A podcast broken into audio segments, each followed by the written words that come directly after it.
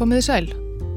Í útjæðri Moskvu, þar sem borgin er óðum að fjara út og breytast í sveit, má finna hér og þar sumarbústaðakverfi, þyrpingar af litríkum trébústöðum eða dödsum eins og rúsar kalla þá, af öllum stærðum og gerðum, sumir litlir og frumstæðir, aðrir stórir og ríkmanleir. Í sumum þessara bústaða er nú búið allt árið um kring. Undanfarin ár hefur konaðanabni Vera Serova unniða því að gera smátt og smátt upp gamla sumarbústað Avasins Ívans í norð-vestanverðir í Moskvu með það markmiði að geta sestar að. Vera Serova er komin nokkuð yfir 50 og fyrir allöngu sest í Helgan Stein en það var hún ballettdansari. Hún er eina barnabarn Ívans Aleksandrovits Serovs sem lést í Hári Elli árið 1990. Þetta er stór og myndarlegur bústaður en það var Ívan Serov mikilvægur maður á sinni tíð. Við bústaðin er meira að segja lítill bílskur og fyrir um það byrj fjórum árum reið hún til sín flokk yðnaðamanna til að taka hann í gegn. Þegar yðnaðamennir voru að brjóta niður vegg í bílskurnum rákust þeir innan í vegnum á nokkuð undarlegt. Það voru tvær gamlar ferðartöskur.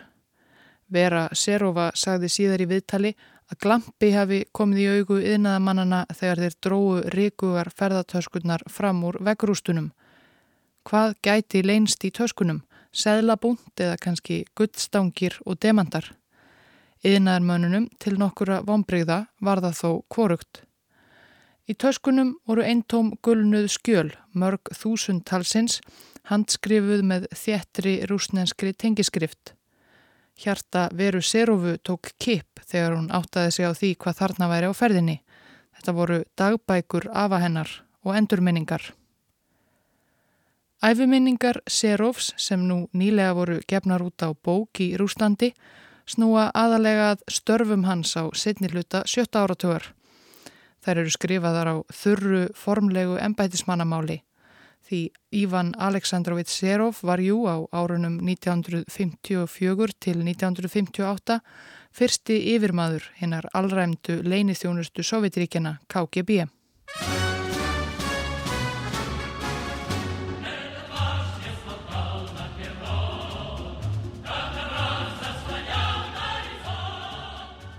Útgáfa á endurminningum Ívans Serov hefur vakið nokkra aðtikli í Rúslandi en það er ekki algengt að hátsettir menn í launhelgum KGB hafi ritað dagbók eða æfisugu sína og hvað þá að slíkt sé gert aðgengilegt almenningi og gefið út. Jável nú næri þremur áratugum eftir fall Sovjetríkjana. Barnabarnið Vera Serova segir sjálfa að hún hafi ákveðið að efna til útgáfunar í vonum að bæta orðspor afasins. Hann hefur kannski ekki sérlega gott orð á sér Ívan Aleksandrovits Serov sem yfir maður í NKFD, leinilauruglunni sem var fyrirrennari KGB undir stjórn hins allræmda ílmennis Lavrendi Berja hafði Serov meðal annars umsjón með nauðungarflutningum 2000 úkrænumanna, litáa, letta, eista, tjettsjena og fleiri þjóðarbrota Sovjetríkjana frá heimahögum sínum til Sýberíu og líka Tatarana á Krímskaga en um þá grimmilegu aðgerðvari mitt fjallaðum í fyrir þætti í ljósi sögunar. Fullirt er einnig að Serov hafi borið mikla ábyrð á framkvæmt fjöldamorðana í Katínskói 1940 þegar NKVFD menn myrtu 22.000 pólska herfóringja, lauruglumenn og mentamenn og þegar hann var orðin æðsti yfirmaður KGB átti hann stóran þátt í því þegar sovjetmenn bældu niður ungversku uppreysnina 1956 með hervaldi. Hvort að útgáfa endurminningana verði til þess að varpa á einhvern nátt nýju ljósi á hlut Serovs í þessum óhæfuverkum skal ekki spáð fyrir um hér. Hinga til er það aðrir kaplar æfiminningana sem hafa vakið mesta aðtegli að minnstakosti á Vesturlöndum. Þeir kaplar snúa reyndar líka að Ungverjalandi en aðalega að dularfullu mannskvarfi sem heimsbyggðin hefur brotið heilanum í meira en sjö áratugi. Það eru örlög einnar dáðustu hetju sænsku þjóðarinnar, Rál Wallenberg, sem bjargaði þúsundum ef ekki tökþúsundum gýðinga úr greipum nazista í Budapest í setni heimstyrjöld en kvarf svo sporlaust í ólgu stríðsins.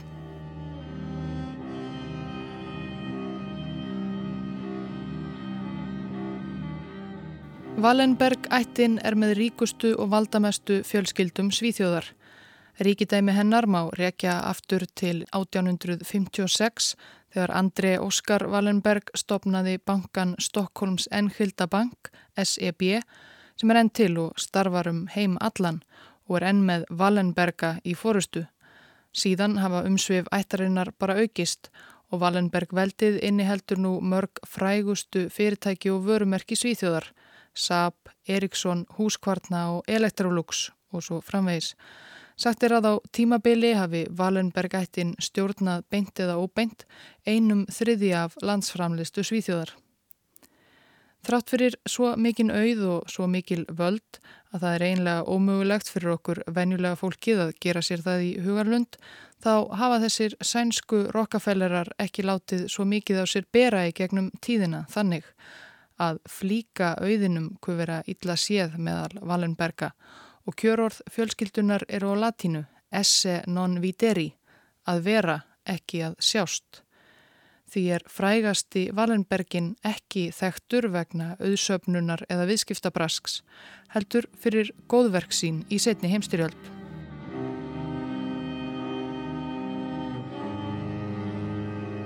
Rál Gustaf Wallenberg fættist 4. ágúst 1912, langafa barn bankastofnandans Andri Óskar Wallenberg. Eins og aðrir Wallenberg Piltar fekk Rál bestu mögulegu mentun í Svíþjóð og síðar í Fraklandi og Bandaríkunum. Hann læriði arkitektur en starfaði aldrei sem slíkur. Í staðin voru honum útveguð Ímis störfi fyrirtækjum ættarinnar hingað og þangað um heiminn. Á þrítugsaldri vann hann því við sölu á byggingavörum í Höfðaborg og í banka í Hæfa. Loks 1936 kom hann heim til Stokkólms og hóf þá störfi fyrirtæki frændasins Jakobs Wallenberg, Central European Trading Company, sem stundaði inn- og útflutning millir Svíþjóðar og ríkja miða-Európu og sérilagi Ungverjalands. Ungverska konungstæmið undir stjórnhins íhaldsama ríkistjóra Miklós Horti barðist við hlið öksulveldana í setni heimstyrjöld. Eftir að öksulveldun byðu afhróði í orustunni um Stalingrad þar sem ungverskir hermenn fjallu í hrönnum byrjaði Miklós Horti að þreyfa fyrir sér hjá bandarækjamannum og bretum um að semja um frið. Það leið þó ekki á löngu þar til Adolf Hitler frétti af þessum þreyfingum og varð ekki sérstaklega ánæður. Þíski herin réðst inn í Ungverjaland í mars 1944 og var ekki lengi að leggja landið undir sig, sópa burt Miklós Horthi í stofufangelsi og koma upp leppstjórn í hans stað.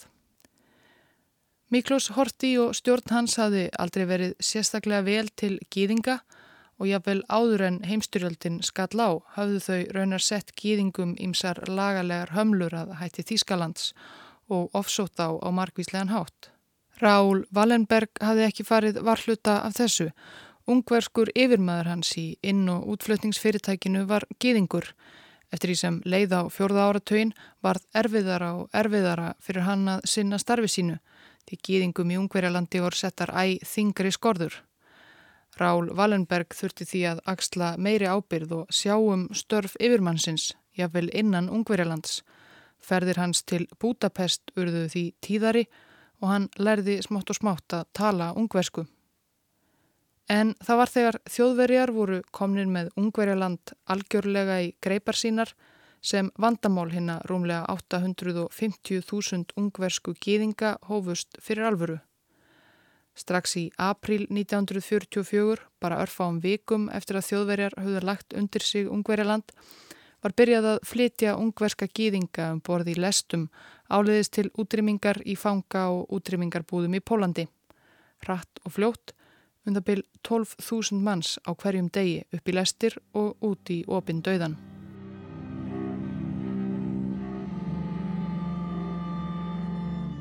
Helfur nazista gegn gýðingum Evrópu hafði hingað til ekki farið sérstaklega hátt utan Þískalands Jújú, menn vissu að nazistar væri á móti gýðingum og væru að gera þeim eitthvað ílt. En hið sanna umfang helfararinnar, hinn þöl skipulagða útrymmingar herrferð, var ekki alkunn enn. En ofsóknir nazista á hendur gýðingum Ungverjalands spurðust fljótt út og til útlanda. Ástæða þess voru nokkrar skýrslur sem bárust ráðamönnum í ríkjum bandamanna á þessum tíma sem og í fjölmiðla viða um heim.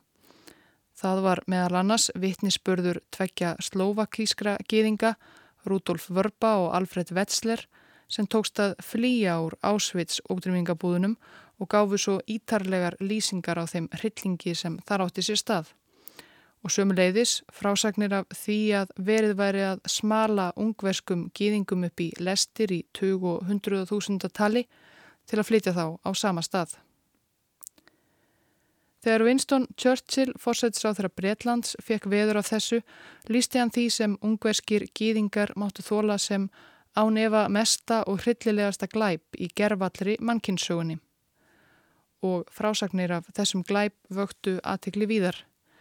Bandarískum stjórnvöldum hafði sannarlega áður borist fregnir af fjöldamorðum á gýðingum á yfiráðasvæðum nazista í Evrópu en þau höfðu lítið aðhafst.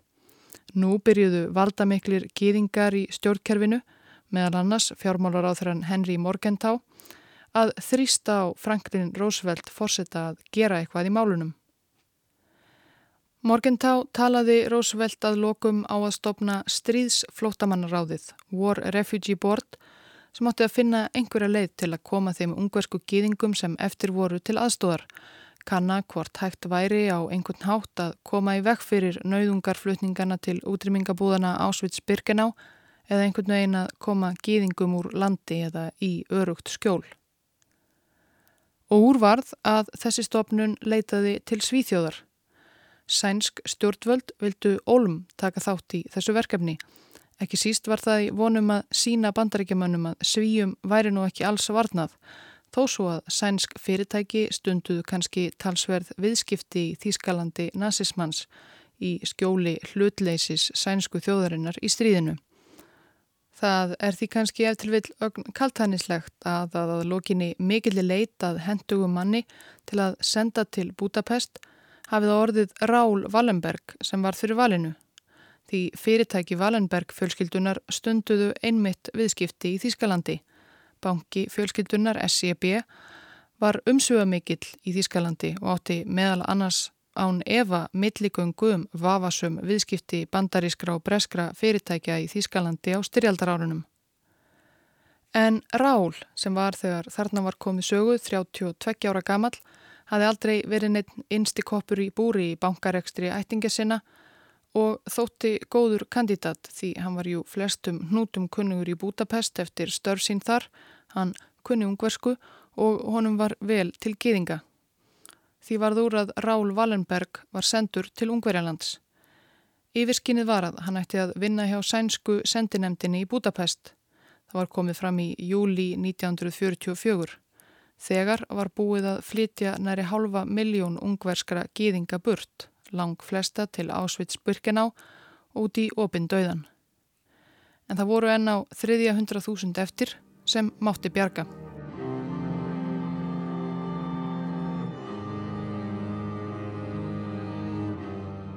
Wallenberg kom sér fyrir á sendiskrifstofu Svíþjóðar í Budapest og næstu vikur og mánuði framleiti hann á færibandi með hjálp annara sænskra diplomata þar sem kallað var verndar vegabrif handa gýðingum í borginni. Sangvænt vegabrifinum voru handhafar þeirra sænskir ríkisborgarar sem byðu þess að komast aftur til heimalandsins í norðri og því var ekki hægt að senda þá úr landi í fangabúðir.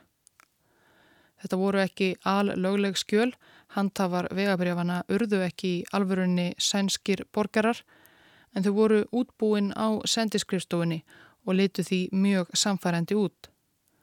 Og ef þýsku hernáms yfirvöldin vildu ekki taka vegabrjafin marktæk, þá víluðu Wallenberg og félagar ekki fyrir sér að lauma að ósamvinnu fúsum lauruglu eða embætismönnum nokkrum seglum, mútum. Bakhjarlar stríðsflótamannaráðsins voru bæði bandaríkjastjórn sem og fjársterkir gýðingar í bandaríkunum og víðar og hagsmunasamtök gýðinga sem stóðu fyrir öflugri fjáröflun fyrir björgunarstarfið. Wallenberg hafði því fjárráð til að gera ímislegt. Hann keipti þannig heilar 32 íbúðabyggingar í Budapest sem lístar voru á yfiráðasvæði sænska ríkisins utan lögsögu Ungverjalands Byggingarnar voru skreittar sænska fánanum og sett voru upp skildi með álitrunum eins og sænska rannsóknarstofnunin og sænska bókasafnið í Budapest. En engin fræðastörf voru þó stunduð þar innandira því þarna fengu þúsundir gýðinga og flótta að búa. Og þó að Björgunarstarf Valenbergs væri kannski að mestu fólkið í því að útbúa vegabrif og skjöl á skrifstofu sinni var hann heldur alls ekki yfir það hafinn að reyna að grýpa persónulega inn í, ekki síst þegar leið á árið 1944 og ástandið varð æverra fyrir gýðinga Ungverjalands. Haustið 44 var innlendur ungverskur nazistaflokkur sem kendi sér við örvarkrossin komin til valda í skjóli Þískra hernámsifirvalda. Fautar örvarkrossins erðu engu gýðinglegu gáfu skíti sænsk diplomataskjöl og sænska fána á húsum, réðust óhikað inn í sænsku húsinnans Wallenbergs og myrtu alla sem þar hafðu leitað skjóls. Bílstjóri Wallenbergs rifjaði síðar upp atvik þegar Wallenberg frétti að ennein lestinn til Ásvits verið að leggja í hann og hraðaði sér þá niður á lestarstöð. Wallenberg klífraði upp á þak lestarinnar og fór að deila út vendarvi á bregðunum í dýr sem ekki var búið að læsa. Hann hunsaði skipanir þjóður að koma sér niður. Svo komu ungveskir fasistar og fóru að skjóta og rópuð á hann að heipja sér burt. Hann hunsaði þá líka og hjælt Poll rólegur áfram að deila út vegabriðunum til þeirra sem réttu fram hendurnar. Ég held að fasistarnir hafi vísvitandi miðað yfir höfuð á hann. Það hitt hann ekki eitt einasta skot sem væri annars ómögulegt. Ég held að það hefði gert að því þeir dáðust af hugrekki hans. Þegar Wallenberg hafði affendt síðasta vegabrefið skipaðan öllum sem hefðu fengið að fara frá borði inn í bílana sem stóðarna nálægt, allir mertir sænsku fanulétunum. Ég man ekki nákvæmlega hvað þetta voru margir en honum tókst að bjarga tugum að þessari lest og þjóðurjarnir og fasistarnir voru svo hissa að þeir leiðunum að komast upp með það.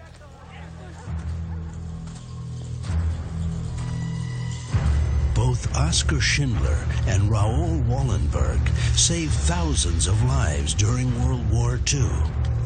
Í tímans rásefur Wallenberg orðið að næsta góðsagnakendri hetju í sögu helfaririnnar. Jável má við að lesa að hann hefði persónlega bjargað um eða yfir hundrað þúsund geðingum úr klóm nazista. Svo háartölur eru ánefa nokkrar ígjur. Það er erfitt að meta það nákvæmlega hversu margir eiga lífsitt Rál Valenberg að launa. Vafalaust eru það þó þúsundir manna og líklega jáfnvel tögþúsundir. Við getum tekið persónlega dæmi.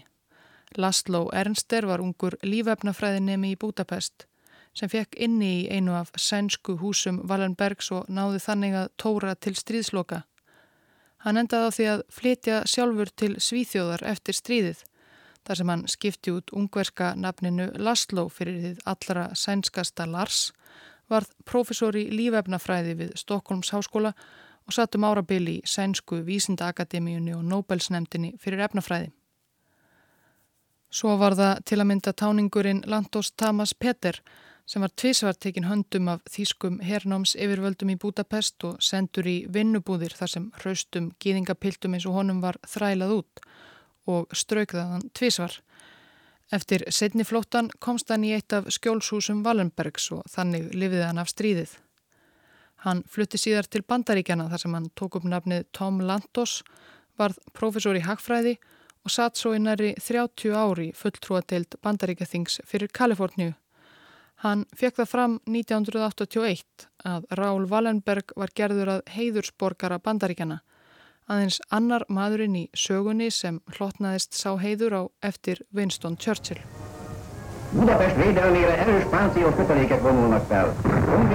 Sovjerski herin umkringdi Budapest á annan í jólum 1944. Við tók langt og erfitt umsátur. Það liðu 50 dagar þar til Þískar hersveitir í borginni gáðusloks upp þann 13. februar árið eftir. Þegar bardagar stóðu sem hæst, 17. janúar 1945, bárust Rál Wallenberg bóð frá aðsta leðtoga sovjísku hersveitana sem sátu um borgina yfir hersöðingjanum Rótjón Malinovski. Höfustöðvar hans voru í Debresen, næst stærstu borg Ungverjalands sem var þegar á valdi sovjetmanna. Wallenberg lagði af stað með bílstjóra sínum að morgni þess 17.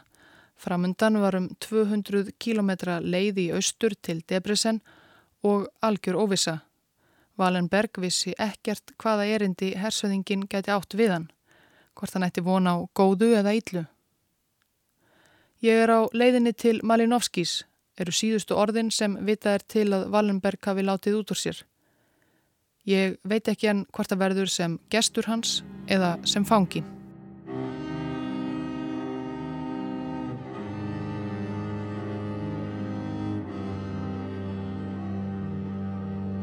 Malinovski hefur tæplega verið mjög gestur í sinn því skemst er frá því að segja að Rál Wallenberg sást aldrei meir eftir þetta og ekki bílstjórin heldur.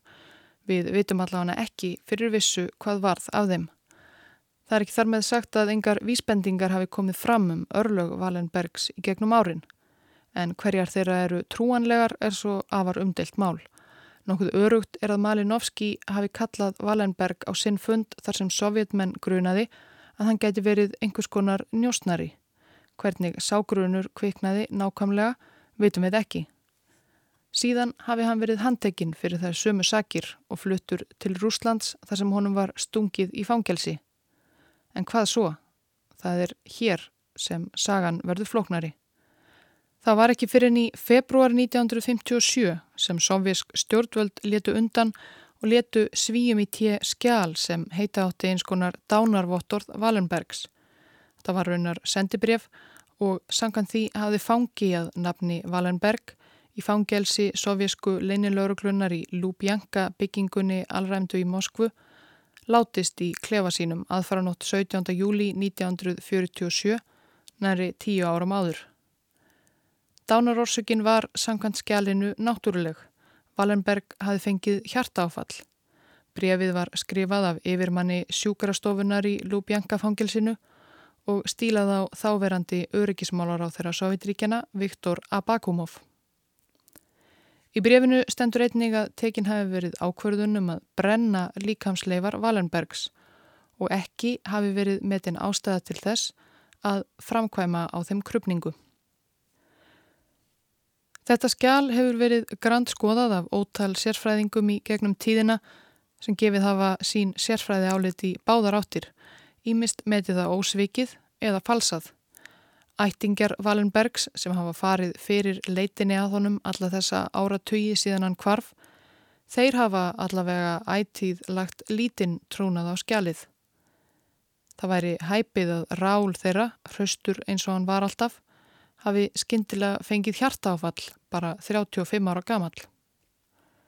Og á næstu árum fóru að dúka upp vittnisspurðir frá fyrverandi föngum í sovjískum fangelsum um að þeir hefðu setið inni með þessum Varenberg eða minnstakosti að þeir hefðu setið inni með einhverjum dularfullum útlendingi sem oftar en ekki var sagður fá elitið betri meðferð en flestir aðrir fangar og hvaðst sjálfur vera diplomati fangelsaður fyrir einhver algjör mistök. Oft fylgdi sögunni að dularfulli fangin hafa reynd að halda sér í formi með líkamsæfingum í fangaklefanum og sungið dægurlög fyrir sig og aðra á ennsku og sænsku. Mörgum fannst þessar lýsingar fangana fyrverandi stemma ískikilega vel við personu Ráls Wallenberg og því livði vonin hjá ættingum hans lengi að hann væri vissulega á lífi þarna einhver staðar í endalösum fangelsa eigaklasa sovjetmanna. Þessir vitnisspurðir bárust enda víða að frá föngum sem setið höfðu inn í Lúbjanka fangelsinu og sömu leiðis frá mönnum sem höfðu dúsað í gúlagbúðum í Sýberju. Jafnvel saðist einhver hafa rekist á hann á henni hrjóstrugu Vrangel-eigu lengst norður í nýrsta norður Ísafi, þangað sem Vilhjálmur Stefánsson sendi út nokkra leiðangra en fór þó aldrei sjálfur, enda lítið þangað að sækja. Það voru að vísu aldrei neinar gúlagbúðir á Vrangelegu, svo hvað Valenberg geti hafa verið að gera þar er óvist. Vitni sem sögust hafa hitt eða frétt af Valenberg í sovjaskum fangelsum heldu áfram að koma fram allt fram á nýjunda áratögin. Meðfram því var svo meira og meira fjallaðum afreg Valenbergs í helfurinni, hetjudáðir hans tíundaðar viða um heim. Hvort að þetta tvent tengist eitthvað skal þó ekki fullirt hér.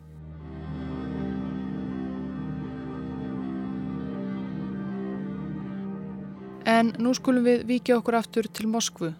Í útjæðri borgarinnar í nordvestri þar sem tvær ferðartöskur fundust inn í bílskúrsvegg við sumarbústað fyrir nokkrum árum fullar af gulnunum papirum. Æfiminningum KGB-mannsins Ívans Serov. Jósef Stalin lést í sinni einn dödsju í útjæðri Moskvu 5. mars 1953 og að lokinni langvinnri valdabaróttu stóð Nikita Khrushchev uppi sem arftæki hans og æðsti maður Sovjetríkjana. Svo virðist sem svo mikil leint hafi kvílt yfir örlögum Ráls Wallenberg að þegar Khrushchev tók við hafi hann í raun ekkert vitað um hvað hafi orðið um hann. En Svíjar, sænsk stjórnvöld, voru þarna byrjuð að spyrja spurninga. Svo að Krúsjóf fól tröstum manni að komast til bots í þessu máli fyrir sig. Og sá trösti maður var Ívan Serov, altjentef markam á hans eigin skrif. Og sakfræðingar sem hafa rannsakað æfiminningarnar úr bílskúsvegnum segja enga sérstaka ástæðu til að draga þau í Eva. Skjölin eru allavega greinilega ófölsuð og nöfn, tímasetningar og aðrar þekktar staðreindir standast skoðun þó auðvitað sé erfiðar að segja með eitthvað eins og þetta sem engar heimildir eru um aðrar hvort að Serov hafi alltaf sagt satt og rétt frá í skrifum sínum. En einhverða síður skulum við gefa Ívan Serov orðið. Krútsjóf vildi vita hvers vegna Vesturland höfðu svona mikinn áhuga á þessu máli. Þetta gæti, hjæltan, hjálpað til við að bæta samskiptin við Svíþjóð byggja brýr yfir í senst stjórnmála og viðskiptalíf til að fá svo að lokum svíja til að verðað milligöngumannum að betri samskiptum við Vesturlönd sem var hans aðsta ósk. En kannski var það ekki eina ástæðan? Ég skildi líka að þetta var honum mjög mikilvægt og að hann ætlaði sér að nota þetta mál sem afsökun til þess að losna við ákveðina einstaklinga í fóristu Sovjetríkjana sem ógnuðu stöðans. Serov skrifar að Sovjetmenn hafi verið þess fullvissir að Wallenberg væri njósnari Björgun ungverskra gýðinga væri bara yfirskinn til þess að koma á einhvers konar samvinnu millir þýskra og bandarískra leinithjónusta. Með samninga umleitanirnar um örlög gýðingana að yfirskinni var komið upp óformlegri en reglulegri samskipta leiðmeitli þýskra og bandarískra leinithjónusta sem Wallenberg sá um. Örlög Wallenbergs voru því raun fyrir séð þegar hann var tekin höndum. Fyrst var ákveðið að færa svíjum Wallenberg en um leið og upplýsingarnar komu fram um samband hans við Þísku öryggislauregluna og bandarísku leinithjónustuna skipaði Stalin öryggismálar á þaranum Abakumov að handtakan og flytja hann til Moskvu. Samkvæmt skrifum Serovs fundust þó aldrei neinar sannanir fyrir því að Wallenberg hafi verið njósnæri af neinu tægi. En nú var hann allt svo í haldi og þá hlaut að vera hægt að nota hann. Serov skrifar að Stalin og utaríkisráð þegar hann Vjakislav Molotov hafi um tíma ætlað að nota fangan sem eins konar tromp í aðdraganda Nürnberg réttarhaldana yfir stríðskleipamannum nazista. Krafa sovjetmanna er því þá að bandamenn myndu ekki minnast á vandraðarlegan gríðasáttmala Molotovs sjálfsvið Þískan starfsbróður sinn Ribbentrop 1939 og á móti myndu sovjetmenn ekki tepla fram Rál Wallenberg í vittnastúkunni og fá hann til að leysa frá skjóðunni um síðlaus viðskipti bandarískra fyrirtækja við nazista sem hann hlauta vita allt um sem einn af Wallenberg-ættinni.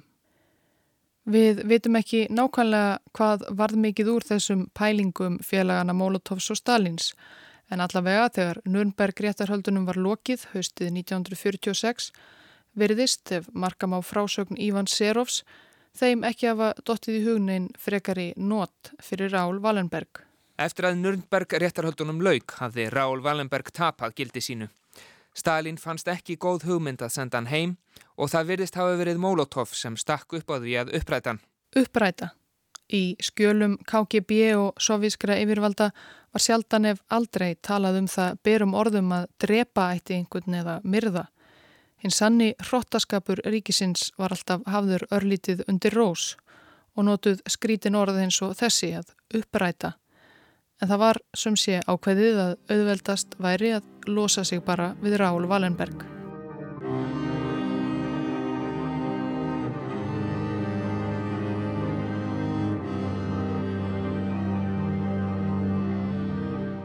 Rannsóknarstofa nr. 1 var til húsa í myndarlegu húsi við Bolsæjalu Bjankastræti í Moskvu bara steinsnar frá glæsilegu músteinshöllinni sem kent er við Lubjanka og hýsti um áratugi höfuðstöðvar KGB og sömulegðis harðneskuleg fangelsi leinithjónustunar. Það var heppilegt að ekki var langt að fara mellir rannsóknarstofu nr. 1 og Lubjanka því það var KGB sem rak þessa rannsóknarstofu. Hún var sakleisislega sjá í fljótu bræði eins og hverjanur læknistofa en það var allt bara platt. Það leitaði sér engin lækninga á rannsóknarstofu nr. 1 við Bolsjæja Lubjankastræti. Þar reði ríkjum maður að nafni Grigori Majranovski. Hann var lífefnafræðingur á mála hjá KGB. Hann sérhæði sig í eitri, framleiðslu efna með það eitt markmið af valdamönnum sársauka og dauða. Hann stundaði meðal hans rannsóknir á sinnefskassi og öðrum lífsættulegum fjanda og í tilrönum sínum notaði hann gerðnan fanga sem sóttir voru í fangelsi sovísku leinilögurklunar í Lubjanka eða annar staðar. Svo að þegar leini lögurklan þurfti að láta fanga hverfa var jafnan kallað á Gríkori Mæranovski. Hann átti alltaf eitthvað álitlegt efni á reyðum höndum sem hægt var að stóla á að myndi drepa hratt og öruglega og án þess að skilja eftir sig neyn grunnsamleg ummerki, svona ef skeið kynni. Ívan Serov grunnaði strax að Grígori Mæranovski, sem stundum var kallaður því frekar ófrumlega viðurnefni Doktor Dauði, geti hafa haft eitthvað með Dauða Valenbergs að gera. Hann leti yfirheyra hann. Þegar þarna var komið sögu satt Mæranovski reyndar þegar í fangelsi hafði lendi hreinsunum Stalins. Ívan Serov. Dr. Mæranovski og starfsmenn hans staðfesta að þeir hafi á sérstöku rannsóknarstofunni á árunum 1946 og 1947 upprætt fjölda útlendinga í fangelsum KGB en þeir muna engin nöfn. Serov let líka yfirheyra annan töktúslim sem hafi unnið náið með Mæranovski og hafði líka á endanum farið ítlátt úr kinnum sínum við Jósef Stalin. Það var Viktor Abakumov, öryggismálar á þeirran sem brefið um dauða Valenberg sem nefnt var hér fyrir þættinum var stílað á. Abakumov var áður en hann varð ráþeira yfirmaður gagn njósna deildar sovjerska hersins á árunum 1943 til 1946. Gagn njósna deildin kallaðist SMERS sem stóð fyrir smjert spíónam á rúsnensku sem þýðir einfallega drepum njósnara. Viktor Abakumov vilaði sjaldan fyrir sér að gera einmitt það að láta drepa njósnara. Gott ef hann gerði ekki bara stundum sjálfur með eigin höndum. Allavega mun hann hafa átt að til að pinta fanga sjálfur, persónlega. Og í fangelsinu þar sem hann dúsaði þá staðfesti Abakumov það við Serov þar sem hann var þá þegar farin að gruna. Þeir Mæranovski, doktor Dauði, hafðu upprætt Valenberg, það er Myrtan, þarna sömarið 1947. Og þar hafið þeir verið að framfylgja skipunum beint frá Stalin sjálfum og utaríkisráþuranum Molotov. Ástæðan? Já, Valenberg hafði ekki lengur neitt sérstatt notagildi í þeirra augum. Hann var bara til trafala. Því var alveg eins gott að komunum bara fyrir Katanef. Upprætaðin eins og menn sögðu á göngum Lubjanka. Skorinorð nýðurstaða Sirovs sangkvæmt hans eigin dagbókum. Ég er ekki neinum vafum það að Wallenberg var upprættur árið 1947.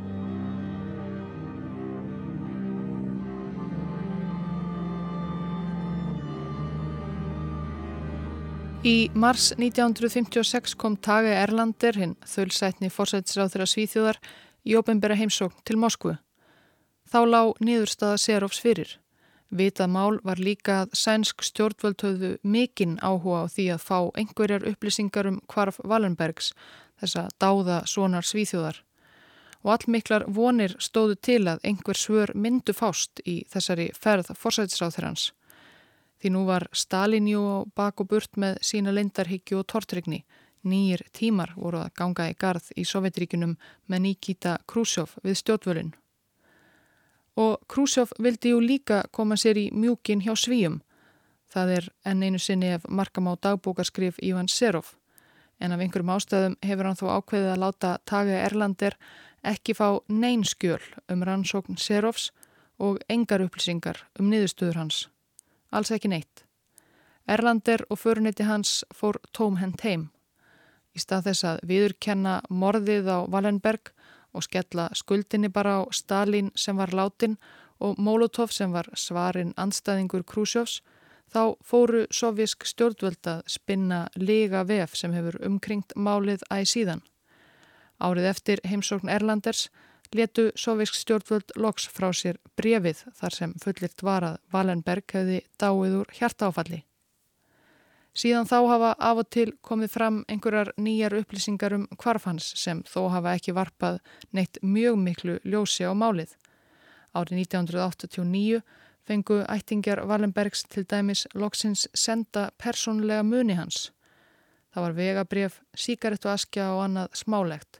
Dót sem sovjetmenn sögust hafa rekist á fyrir tilviljun við tiltækt upp í einhverju hillu í einhverju geimslu.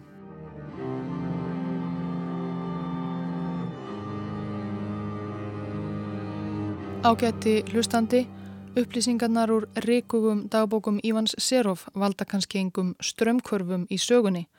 Það var kannski fátt annað sem kom til greina en að Valenberg hafi dái drotni sínum einhver staðar í fangaklefum KGB og þá líklega ekki úr hjartáfalli. Líklega var það mestu rétt sem stóði brefinu umdelda að Rál Valenberg hafi yfirgifið þennan heim í fangaklefa í Lubjanka fangilsinu í Moskvu að frá nótt 17. júli 1947, 35 ára gamall. En dánarorsökin var ekki hjartaáfall heldur einhvers konar eitur sem þölreindur eiturmeistari KGB skaffaði til að losna við þennan erfiða fanga sem enginn vissi almennilega hvað þetta gera við.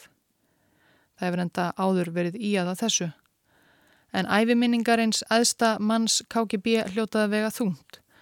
Þetta eru einhvað síður mikilvægar upplýsingar sem verðast skýra margt sem áður var á höldu um nákamlega hver örlög Wallenbergs urðu, hvar og hvenar og hvernig hann lést og nákamlega hver fyrirskipaði það. En það var auðvitað jú bara Stalin sjálfur. Jáfnvel þó við höfum verið fullkomlega á villigötum hér allan þáttinn og Wallenberg hafi í raun einhvern veginn komist undan og lifað lengi enn Þá væri hann orðin 104 ára í dag 2016. Svo hann er líklega ekki enn meðalvor. En hann hefur reyndar aldrei verið formlega úrskurðaður látin. Það var ekki fyrir en fyrra á þessu ári sem sænskum skattaeyfirvöldum barst umsókn frá aðstandendum Wallenbergs að það þið gert. Úrskurður skattstjóra var að gefi Wallenberg sig ekki fram á skrifstofu skattsins fyrir 14. oktober 2016 þá verði hann úrskurðaður látin. Það eru nokkrar vikur til stefnu og verður spennandi að sjá hvort hann lætur sjá sig.